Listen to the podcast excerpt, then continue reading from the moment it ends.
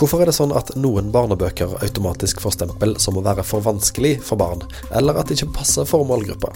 Direktør for Barnebokinstituttet, Kristin Ørjasæter, skriver om det i boka 'Barne- og ungdomslitteratur møte med leseren'. Dette er et opptak fra Nordisk barnebokkonferanse på Sølvberget i 2019.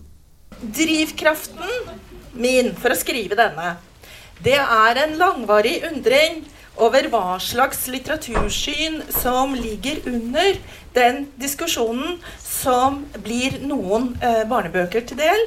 Eh, når anmelderen f.eks. slår fast at denne eh, boka den passer ikke for barn, eller den er for vanskelig eh, for barn.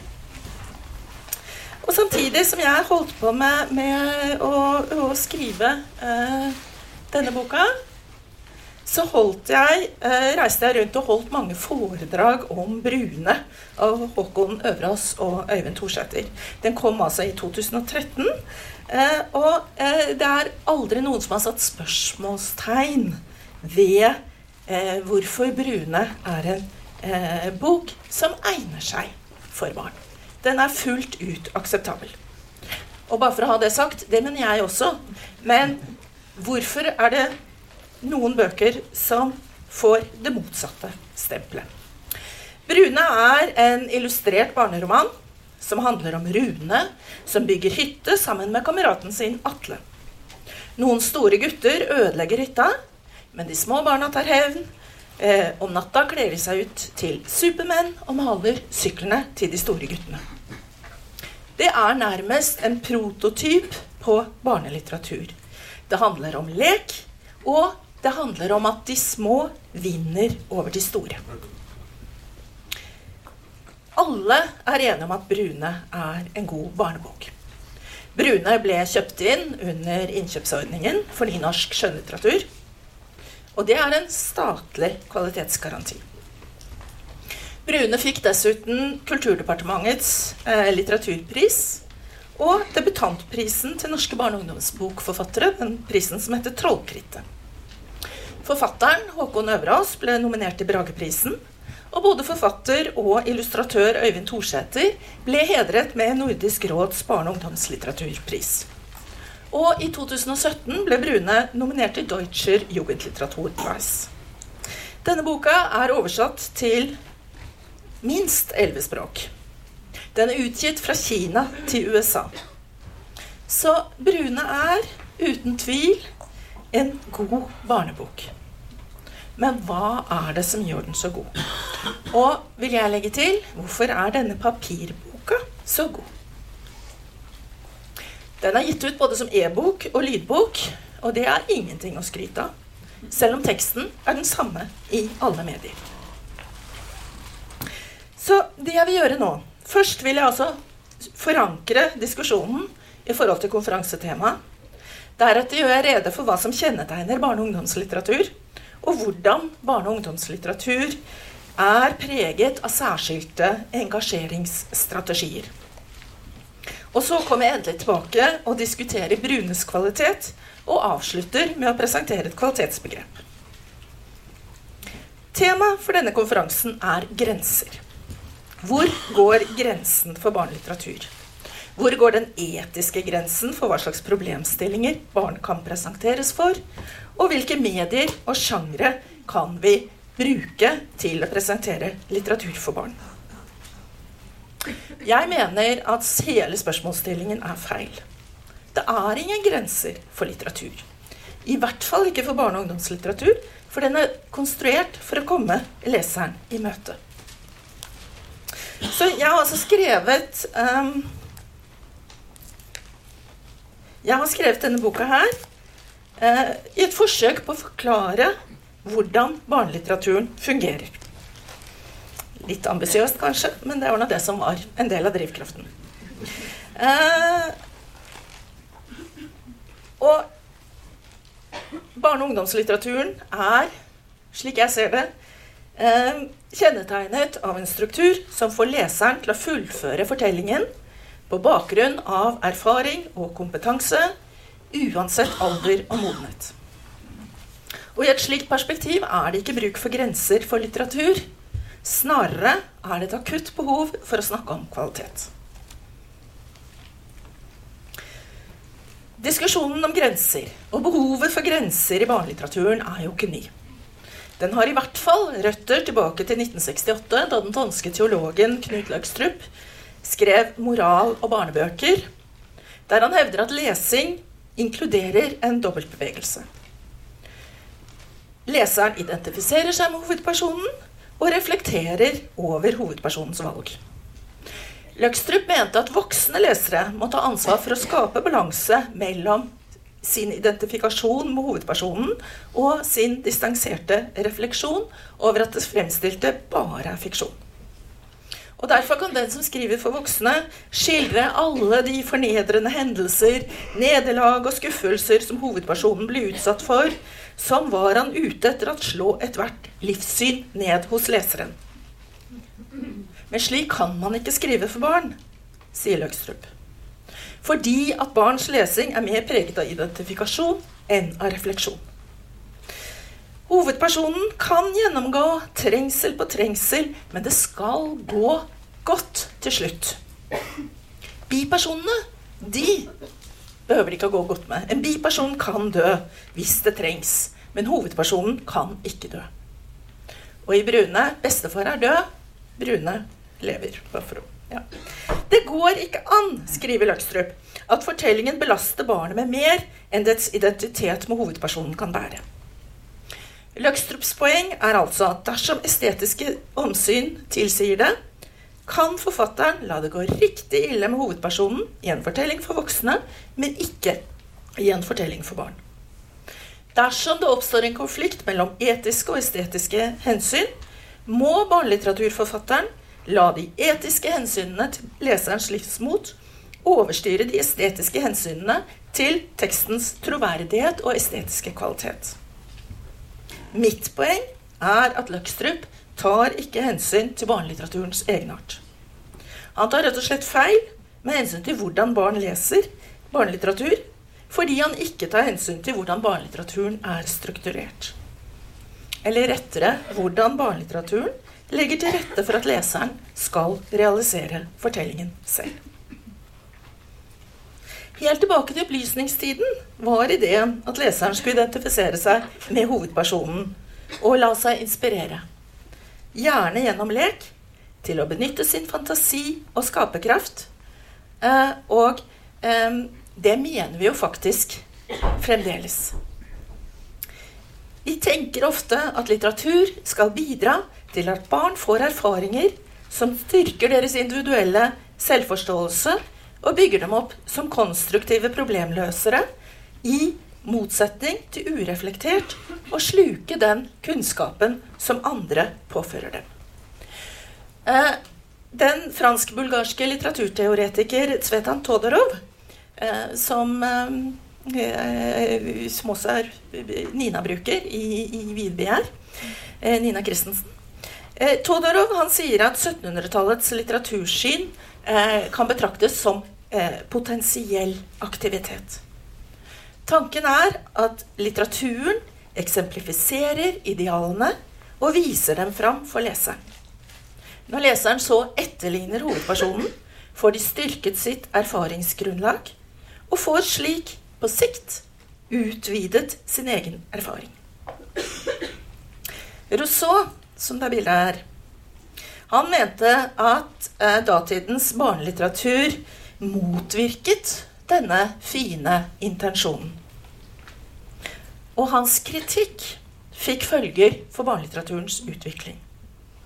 For oss så, så er dette med menneskets autonomi en grunntanke. Og i Emil, eller Om oppdragelse, hans eksempelfortelling, som handler om hvordan barnet må bli behandlet for at det skal eh, utvikle seg til et autonomt vesen. Eh, der skriver han at barn må ikke disiplineres, for da vil de bli ufrie mennesker. Og det vil ikke gagne samfunnet. Barn bør ferdes ute i naturen og få anledning til å gjøre sine egne erfaringer og selv trekke lærdom av dem. Eh, en voksen veileder må gjerne bistå Emil, men slutningene må han finne fram til selv. Derfor bør ikke Emil gå på skole og heller ikke lese bøker før han er moden nok. Først må han bygge opp et selvstendig grunnlag til å vurdere hvorvidt den lærdommen Eller vurdere den lærdommen han blir presentert for, om den er holdbar. Men selv om eh, Rousseau mente at Emil ikke burde lese bøker før han ble ca. 15 år, kunne han godt tillate seg å lese én bok. Det er altså Daniel Defoes 'The Life and Strange Adventures of uh, Life and Strange Surprising Adventures av Robinson Crusoe. Robinson Crusoe er en fiktiv selvbiografi. Jeg-fortelleren ser tilbake på sitt liv, forteller om hvordan han som ung mann trosset sin fars råd om å finne seg til rette med tilværelsen, og i stedet dro ut på eventyr. Han ble sjømann. Etter noen få år på, sjø, på sjøen så forliser skipet eh, han eh, reiser med. Han er den eneste som overlever fordi han klarer å komme seg i land på en øy, og den viser seg å være øde. Så tar det 28 år før det kommer et nytt skip forbi eh, som eh, redder han og tar han med tilbake til England. Og de 28 årene på øya bruker Robinson Crusoe til å bygge opp et samfunn helt fra grunnen av. Og det Rousseau er opptatt av, det er disse bestrebelsene på selv å skape seg et liv og bygge seg opp et samfunn. Rousseau vil at barn skal la seg inspirere av Robinson Crusoes eh, ønske om, vilje til, evne til og, eh, og eh, ordne opp selv. Ideen er altså at hvert barn bør bygge opp sitt eget kunnskapsgrunnlag gjennom å trekke lærdom av egne erfaringer. Og det kan godt skje gjennom lek og etterligning. Det er å leke at man er Robinson Crusoe som bygger kopper og kar og sanker mat og holder husdyr.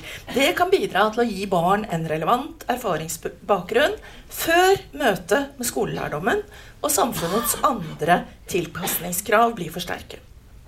Rousseau mener altså at Eh, altså han er en sterk tilhenger av ideen om litteratur som potensiell aktivitet.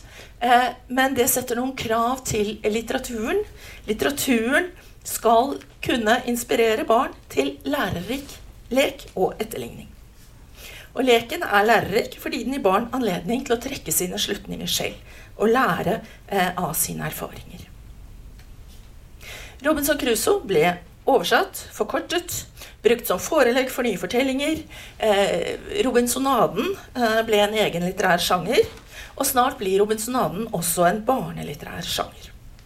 Og da blir selvfølgelig hovedpersonen yngre, et barn.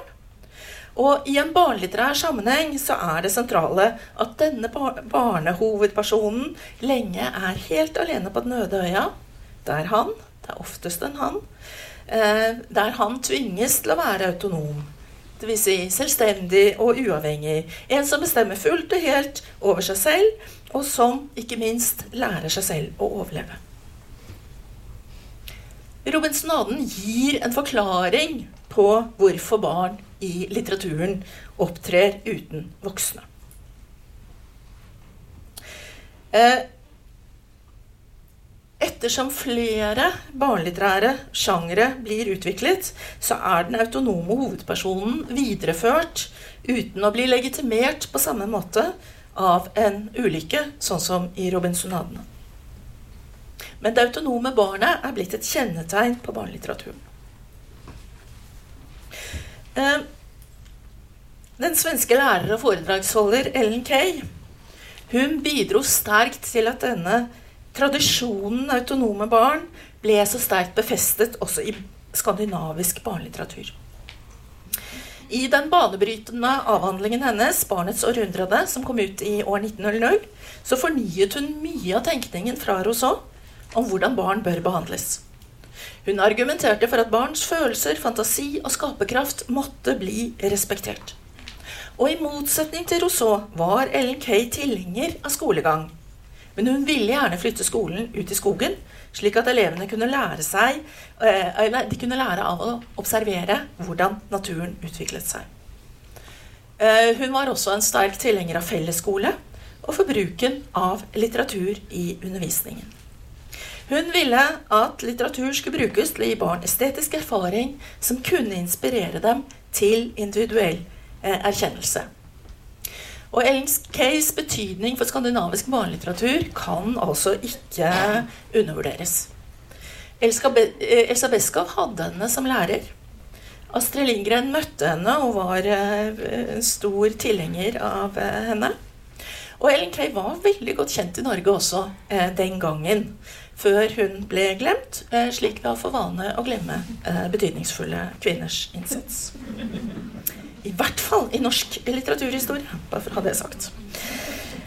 Eh, skal vi se Før jeg går ut på mine kjepphester.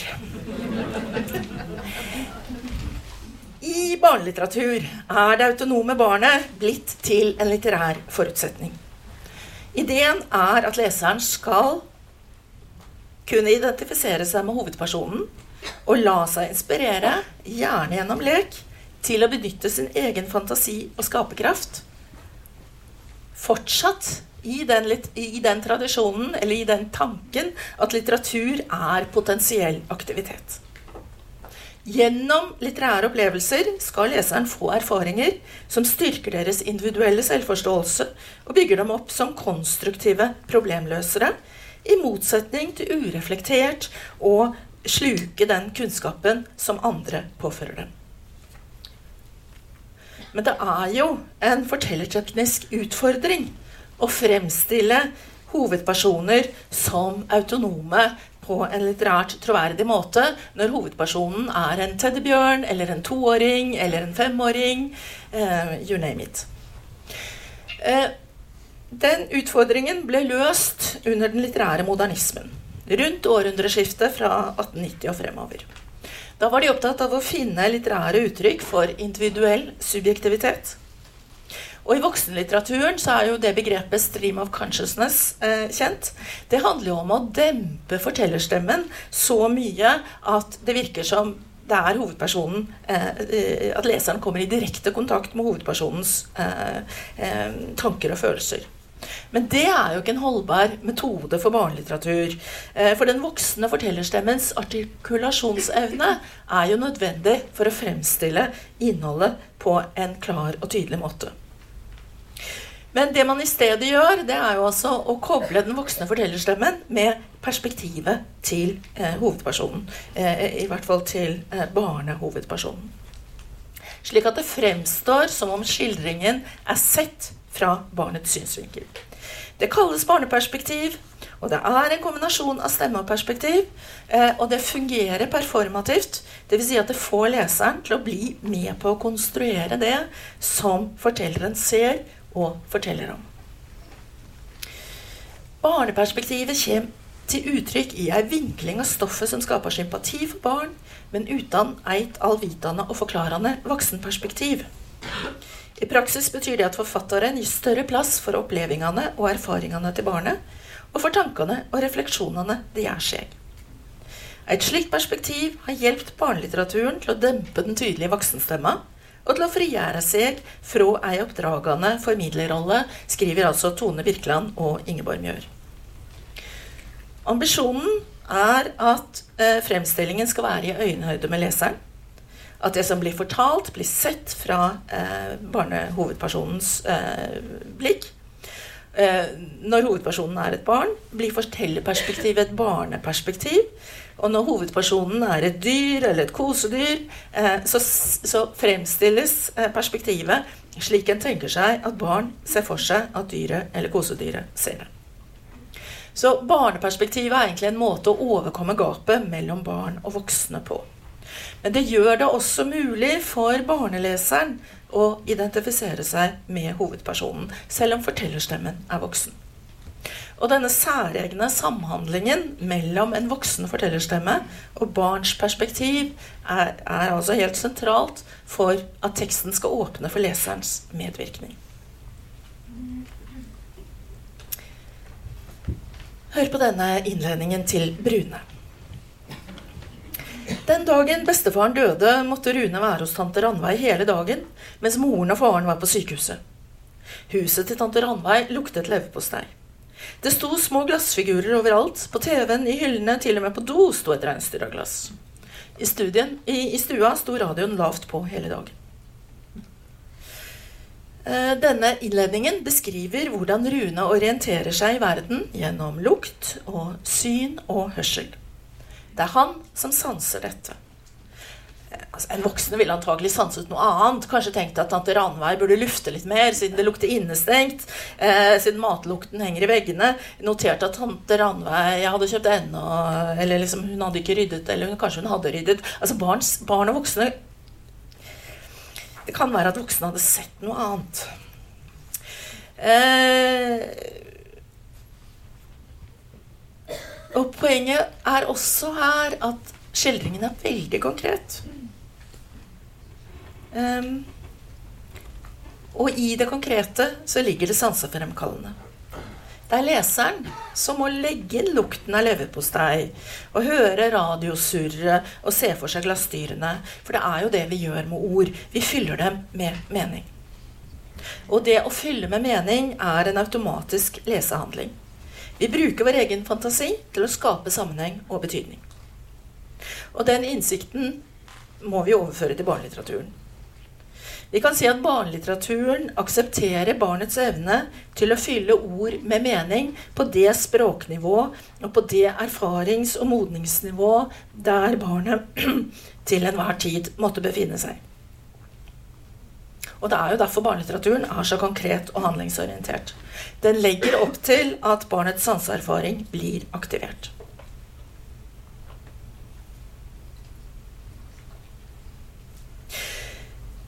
Og det er på det, dette punktet den danske eh, teologen Løkstrup og alle de veldig mange etterfølgerne hans i det nordiske barne- og ungdomsfaglitteraturmiljøet tar feil.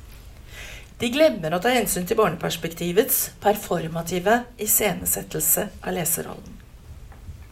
Når barneperspektivet eh, blir ordentlig utnyttet, når det fiktive universet blir presentert på en konkret måte og ikke ferdig fortolket, er det leseren som ved hjelp av sin erfaring og fantasi definerer hvordan det litterære universet fungerer.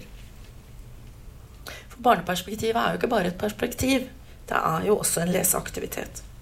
Det barneperspektivet gjør, er å gi fortellerstemmen funksjon som et medium. Så å si alle de som ikke forventer ha, som, som, vi ikke forventer har en stemme. Eller iallfall ikke har noe å si som det er verdt å lytte til. Uansett om det handler om dyr eller kosedyr, småbarn eller større barn. De kan få formidlet budskapet sitt gjennom en fortellerstemme som fremstiller hovedpersonens perspektiv på en måte som gir leseren rom til å fullføre fortellerhandlingen selv. Så lenge så lenge fortellingen ikke blir fortolket fra fortellerens side. Så lenge fungerer fremstillingen som et medium for hovedpersonens erfaring. Det barneperspektivet gjør, er å utstyre leseren med et dobbeltperspektiv. Leseren ser både på hovedpersonen og med hovedpersonen. Barneperspektivet overlater til leseren å trekke konklusjoner og avgjøre hva det er hovedpersonen ser og hører, og trekker konklusjoner på bakgrunn av det som blir sagt.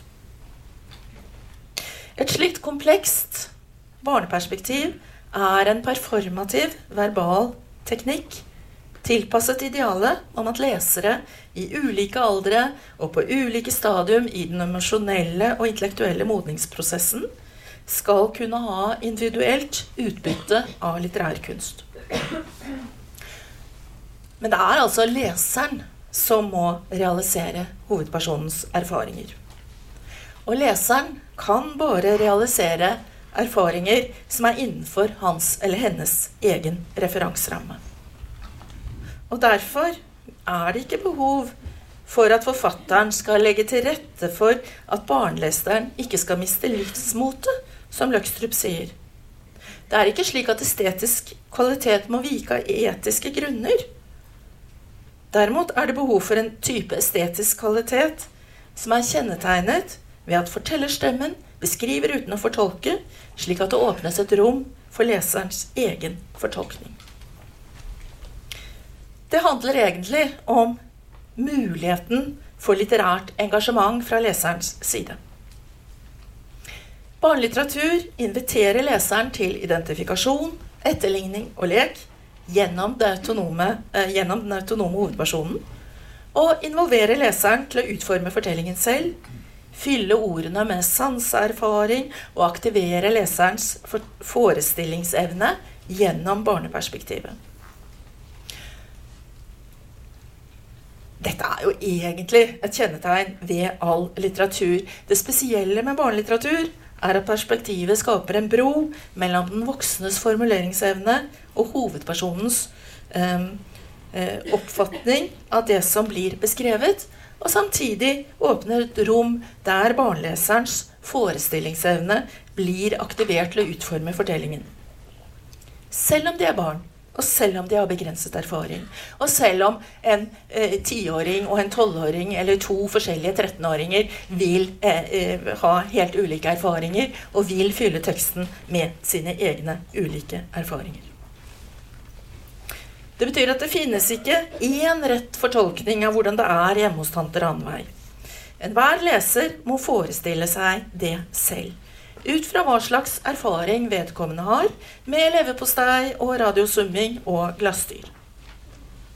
Enhver leser har like stor rett til å opptre som subjekt, altså den som handler, i betydningen bestemmer hva ting betyr i en barnelitterær tekst. Men det betyr også at leseren ikke kan utlede noe fra en tekst som vedkommende ikke har kompetanse i, eller sanseerfaring med. Og Derfor mener jeg at det er meningsløst å snakke om at barnelitteraturen skulle ha behov for grenser. Barneperspektivteorien er formulert med utgangspunkt i verbaltekst.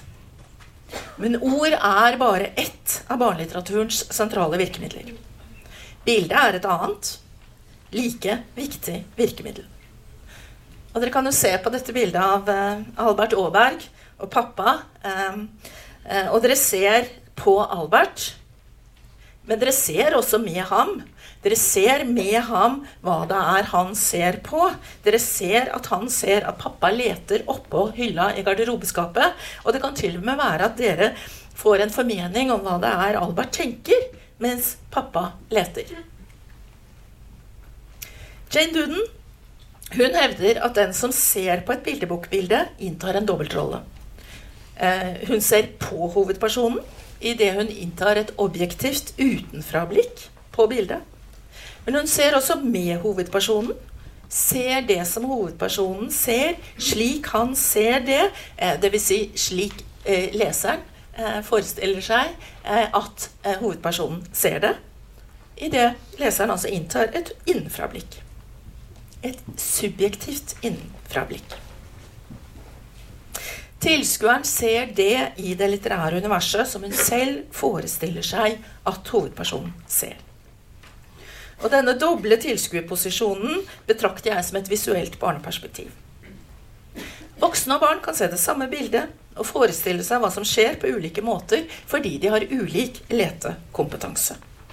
Men begge lesetyper har like mye rett eller like stor frihet til å forestille seg hva det er som skjer på bildet.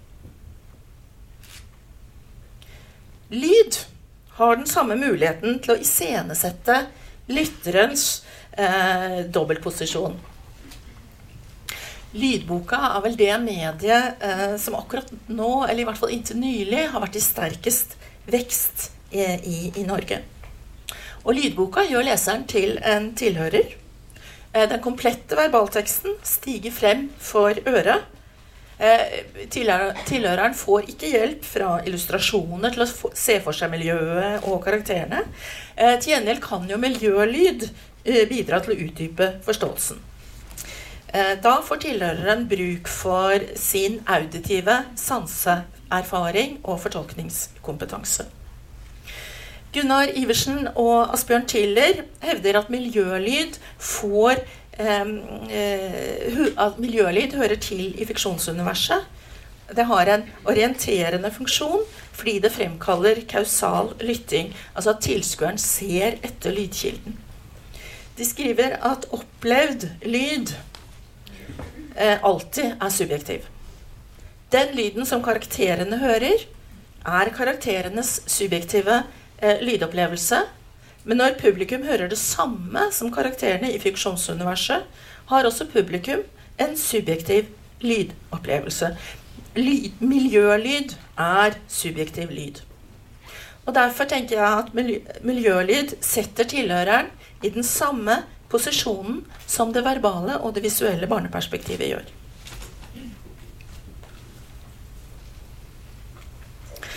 Så For å oppsummere med hensyn til barnelitteraturens eh, kjennetegn og engasjeringsstrategier. Barnelitteraturen har to særlige kjennetegn som begge er egnet til å involvere leseren, tilskueren eller tilhøreren. Det ene er den autonome hovedpersonen, som inviterer til identifikasjon, etterligning og lek. Eh, og så er det barneperspektivet, som tilbyr leseren en subjektiv posisjon i fortellingen, der sanseapparatet og fantasien involveres. Og den samme effekten har et potensial til å fordobles gjennom mediespesifikke virkemidler som bilde og lyd. Tilbake til spørsmålet om hvorfor 'Brune' er en god barnebok.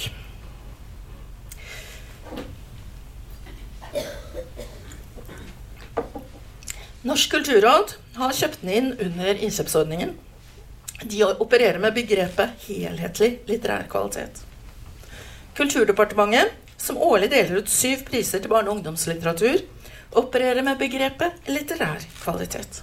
Men hva betyr egentlig det?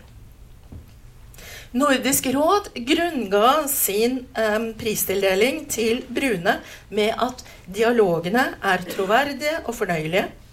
Setningene er enkle, men uttrykker ofte mer enn ordene som står der. Illustrasjonene understreker stemningen og den finurlige humoren i teksten, med sans for detaljer og med sparsom, men virkningsfull fargebruk. De kunne jo lagt til at både ord og tegninger er sansefremkallende og satt sammen på en produktiv måte. Helhetlig eh, litterær kvalitet innebærer nemlig at de litterære virkemidlene blir benyttet på en slik måte at de blir uttrykksfulle hver for seg, men også at sammensetningen tilfører noe særskilt til presentasjonen. Helhetlig litterær kvalitet betyr også at innholdet svarer til forventningene om hva barne- og ungdomslitteratur skal være.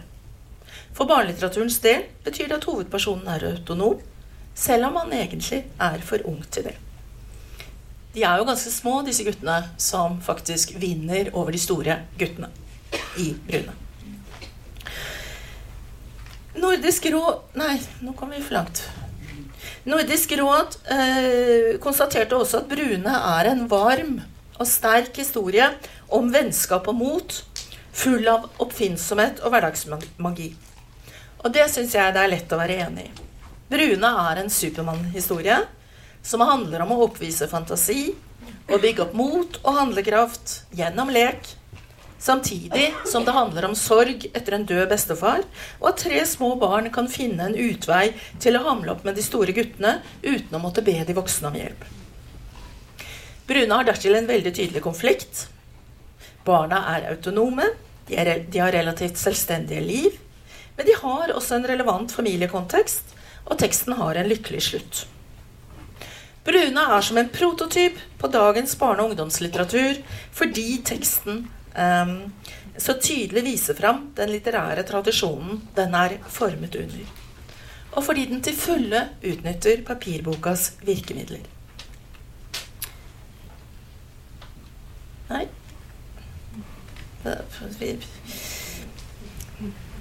Teknikken eh, lever sitt eget liv. Brune, Brune er, vel til, er vel tilpasset sitt medium. Det er dit jeg skal. Brun er vel tilpasset sitt medium og sin sjanger. Eh, men Bruna er bare god som papirbok, og for så vidt også som teater. Men det er en annen sak. Poenget er at den er ikke særlig god som lydbok eller som e-bok, fordi den slett ikke utnytter disse medienes virkemidler. I papirbokversjonen blir leserens sanseapparat aktivert til fulle Leseren er sammen med Rune og sanser det han sanser pga. barneperspektivet og fordi tegningene understreker verbalteksten. Men lydboklytteren får ingen ytterligere hjelp til å sanse det som Brune sanser. For opplesningen er ikke ledsaget av miljølyd eller musikk som kunne bidratt til å aktivere lyttersansene. E-boka er altså veldig enkel. Tekst og bilde har akkurat det samme designet som papirboka. Men en skjerm er ikke et ark, så inntrykket blir et annet. Og det er heller ikke tilført noen berikelse som kunne aktivert skjermmediet.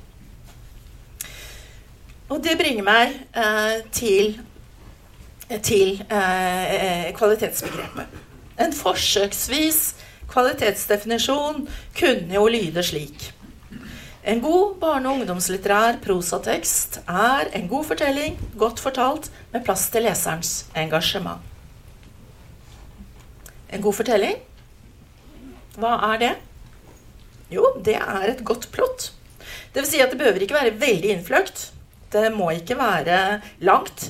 Eh, faktisk inneholder noen av de mest slitsterke plottene bare to-tre forskjellige hendelser, men med da en forbindelse mellom. Det er sammensetningen av de minimum eh, to hendelsene som gjør det til et godt plott. F.eks. Rune og Atle bygger hytte. De store guttene ødelegger hytta. Bestefar dør.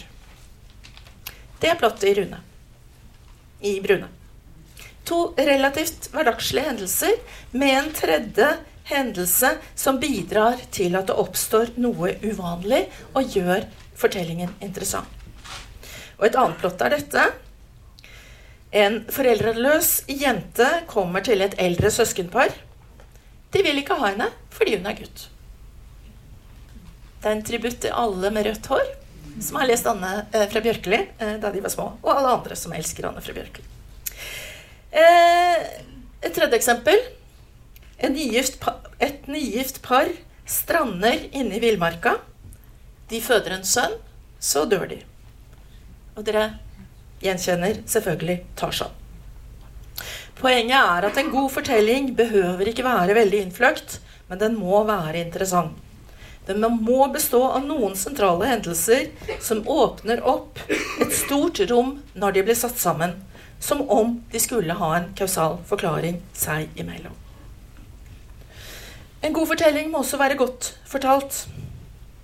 Dvs. Si at den må være preget av en effektiv og hensiktsmessig utnyttelse av sjanger, medium og virkemiddel.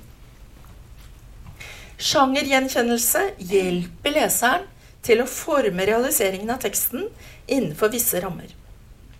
Sjanger handler jo egentlig om tekstens form. Når leseren gjenkjenner formen, bidrar den til å styre oppfattelsen av innholdet. Brune er en barneroman. Da forfatteren til Brune heter Håkon Øverås, fortelleren ikke har navn, og hovedpersonen heter Rune, så har forfatteren lagt fram en fiksjonskontrakt for leseren. Leseren oppfatter Rune som en oppdiktet karakter i et fiktivt univers. Eh, og det vil eh, Brunes lesere ta utgangspunkt i eh, når de forholder seg til verbalteksten og illustrasjonen, og oppfatter fremstillingen som fiksjon der alt går an, akkurat som i barns lek, og konstruerer fortellingen deretter.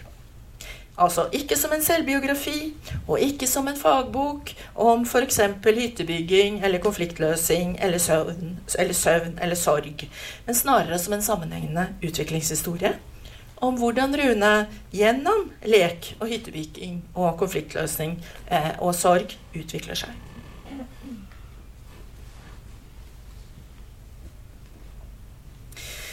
Mediet er undervurdert i den barnelitterære kvalitetsdiskusjonen. Papirteknologiske og elektroniske medier er vesensforskjellige fordi innholdet i dem formes gjennom ulike virkemidler. Papirteknologiske medier er f.eks. tekstbøker, bildebøker og tegneserier. De benytter de samme virkemidlene, altså verbaltekst og bilde, men de benytter dem på veldig ulike måter. Eh, elektroniske medier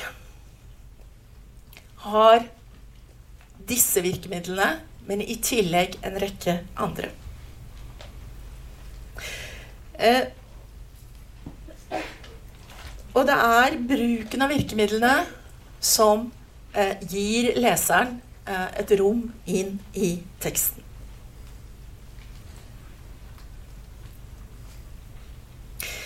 Eh, hvis Bruna hadde vært en bildebok, så hadde leseren konstruert fortellingen på bakgrunn av det man ser på bildene i oppslaget, og sammen, sammenhengen mellom teksten og bildene per oppslag.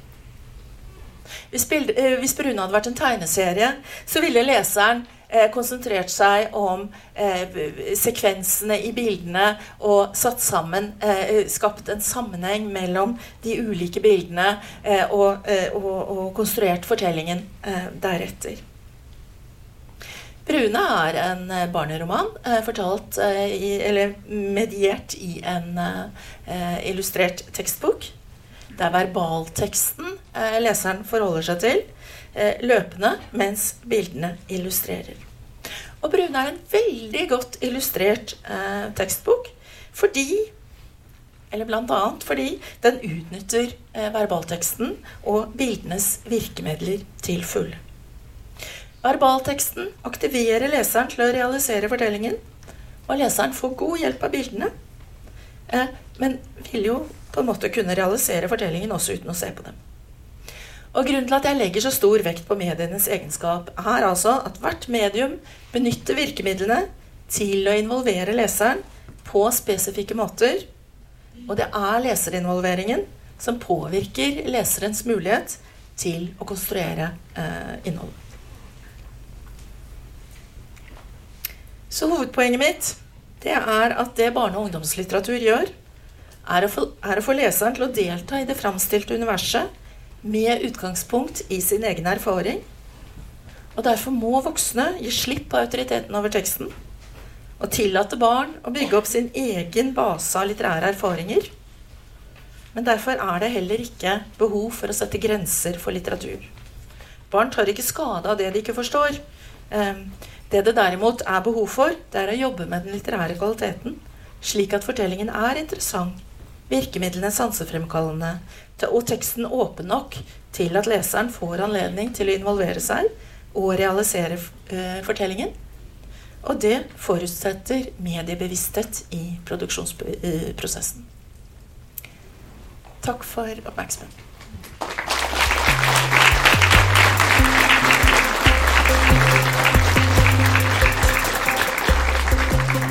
Tusen takk skal du ha.